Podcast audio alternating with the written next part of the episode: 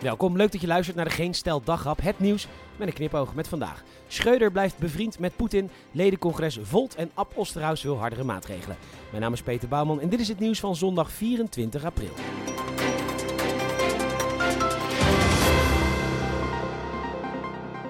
Gerhard Schröder, hij was ooit bondskanselier van Duitsland, heeft een interview gehouden met de New York Times. Dat doet hij niet zo vaak, dus dat is best bijzonder. Hij is ooit bevriend geraakt met Vladimir Poetin, heeft er een zeer goed betaalde baan aan overgehouden en hij zegt nog steeds bevriend te zijn met Poetin. Aan mea culpa doet hij niet naar eigen zeggen en hij ziet zijn vriendschap los van de oorlog in Oekraïne, waar hij tegenstander van is. Wat een nuance en ja, dat is mooi. Maar ik vraag me toch af, hoe ver mag een vriend gaan voordat je zegt, ja dit heeft nou wel invloed op onze vriendschap. Bijvoorbeeld Hitler... Dat kan een hele goede vriend van je zijn geweest. Samen op de kunstacademie. En god, wat hebben we vaak gelachen. Veel Sam en Moos grappen.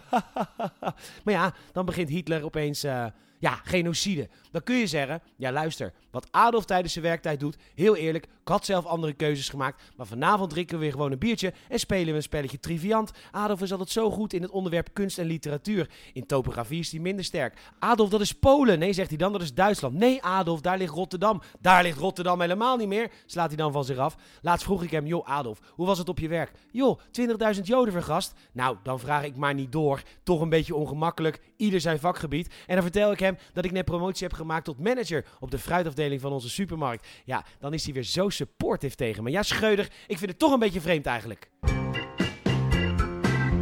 Vandaag was dan eindelijk het extra ledencongres van Volt. Dit natuurlijk naar aanleiding van het opstappen van Gundogan naar beschuldigingen van... Nee, ik drink niet te veel, hou van me! Hou van me! Anyways, Bestuursvoorzitter en niet-man Sascha Muller en bestuursvoorzitter en dubbelman Peter Paul de Leeuw stappen op vanwege het gedoe. Ze pleiten bovendien voor een fulltime betaalde bestuursvoorzitter, maar of die er komt is nog niet besloten, al dus de NOS. En dat is ook lastig, want bij Volt moet altijd geschakeld een niet-man en man aan de leiding staan. Hoe vervul je dat met één persoon? Ja, dat moet dan een non-binair persoon zijn, maar ja, dat is dan wel een niet-man, maar dat is dan ook weer geen man. God, wat is het lastig om goede mensen te vinden als je zoveel discrimineert op hoe je geboren bent. U had vandaag wat te kiezen. Volgt u de Franse verkiezingen of niet? Nee. Een gesprek met Ab Osterhaus bij de Telegraaf. Even een momentje. Heerlijk. Lang geleden trouwens dat ik heb gedronken tijdens de Geen Daghap. Ik doe het eigenlijk alleen als Ab Osterhaus aan het woord is. Want Ab, die kun je niet zonder belwijn zien. Goed, hij blikt terug op de aanpak van de coronapandemie. En Ab, eerst tegen mondmaskers is kritisch. Want bij andere pandemieën reageren we veel sneller en brengen we het, zoals hij het zegt, keihard onder controle.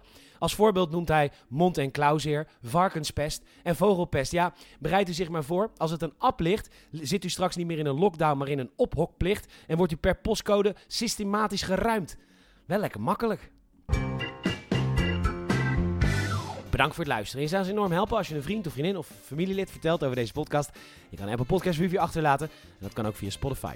Nogmaals bedankt voor het luisteren. Tot morgen.